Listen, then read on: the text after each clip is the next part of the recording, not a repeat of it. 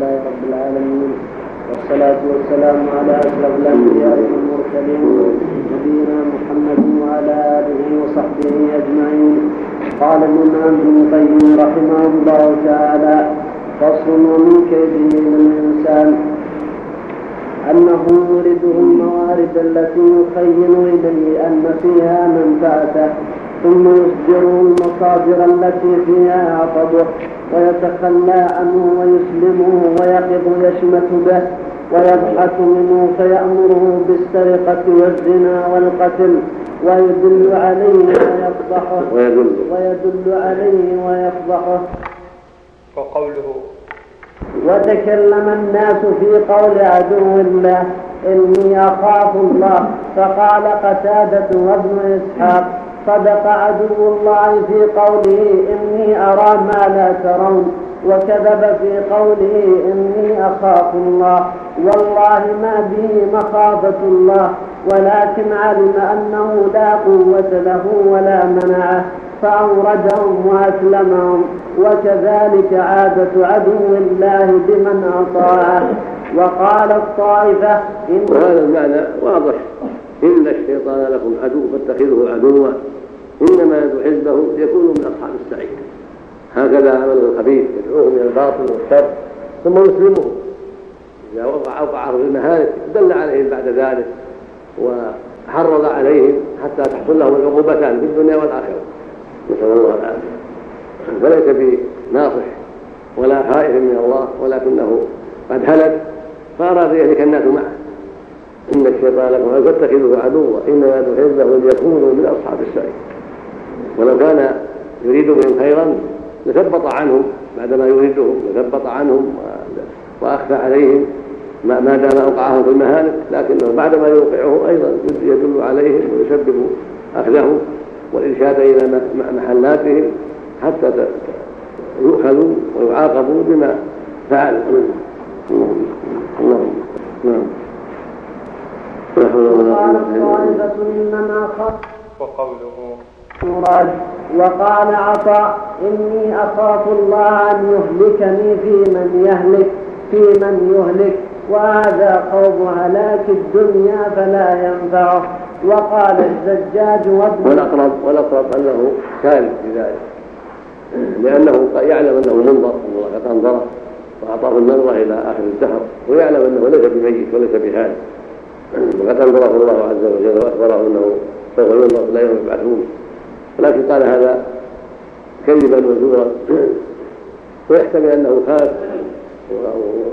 مثل ما قال الغير هنا أن يؤخذ ويعاقب في الحال ونسي موعد النظرة لما رأى الملائكة ورأى جند الله عز وجل. خاف أن يصيبه ما يصيب الناس. وذهب عن باله أمر النظر وأما أنه يخاف الله خوفا حقيقيا فلا. وقوله فكلما قوي إيمان العبد زال من قلبه خوف أولياء الشيطان وكلما ضعف إيمانه قوي خوفه منهم. ومن مكان هذا هو الواقع فإن كل ما قوي الإيمان نشط المؤمن في أداء حق الله والنصح لعباد الله ولم بالمعروف والنهي المنكر ولم يبالي بتثبيت الشيطان وتخويفه. وكل ما ضعف الإيمان صار يعظم الناس ويخشاهم ويضعف عن دعوته إلى الحق وأمره بالمعروف ونهي عن المنكر لضعف ايمانه وضعف قلبه إنما ذلك الشيطان يخوف اولياءه يخوفكم اولياءه يعني يعظمهم في صدوركم حتى لا تأمروهم ولا تنهوهم ولا تنصحوهم. نسأل الله السلامة. نعم. نعم. وقوله وأبرز لهم الشرك في سورة التعظيم والكفر بصفات الرب تعالى وعلوه. وتكلمه بكتبه في قالب التنزيه وترك الأمر بالمعروف والنهي عن المنكر في وترك وزين لهم ترك وترك وترك الأمر بالمعروف يعني يزين لهم الشرك بأنه تعظيم لله وأنه تعظيم الأنبياء والصالحين. عظم الله بتعظيم الأنبياء والصالحين وعظم الأنبياء والصالحين بدعوتهم من دون الله والاشتغال فجعل هذا في قالب التعظيم لله ولأوليائه وأنبيائه. وهو في الحقيقة تنقص لله وعدم تعظيم الله سبحانه وتعالى وصرف لأشياء في غير مستحقها. كما زين لهم تعطيل الصفات ونفي الأسماء وتأويلها زينها لهم بأن, بأن هذا هو التنزيه. تنزيه الله وهو التقديس سبحانه وتعالى. وكما زين لهم ترك المنكر يعني في مجاملة الناس وفي حسن المعيشة مع الناس حسن التصرف مع الناس. نسأل الله العافية إلى قوله وصاحب عباد العجل حين جرى عليهم ما جرى وصاحب قريش حين دعوا يوم بدر وصاحب كل هالك ومفتون فصل وأول كيده ومكره. بارك الله فيك بسم الله الرحمن الرحيم. نعوذ بالله من يجب على العقل ومن تعز عليه نفسه أن يحذر هذا العدو المبين.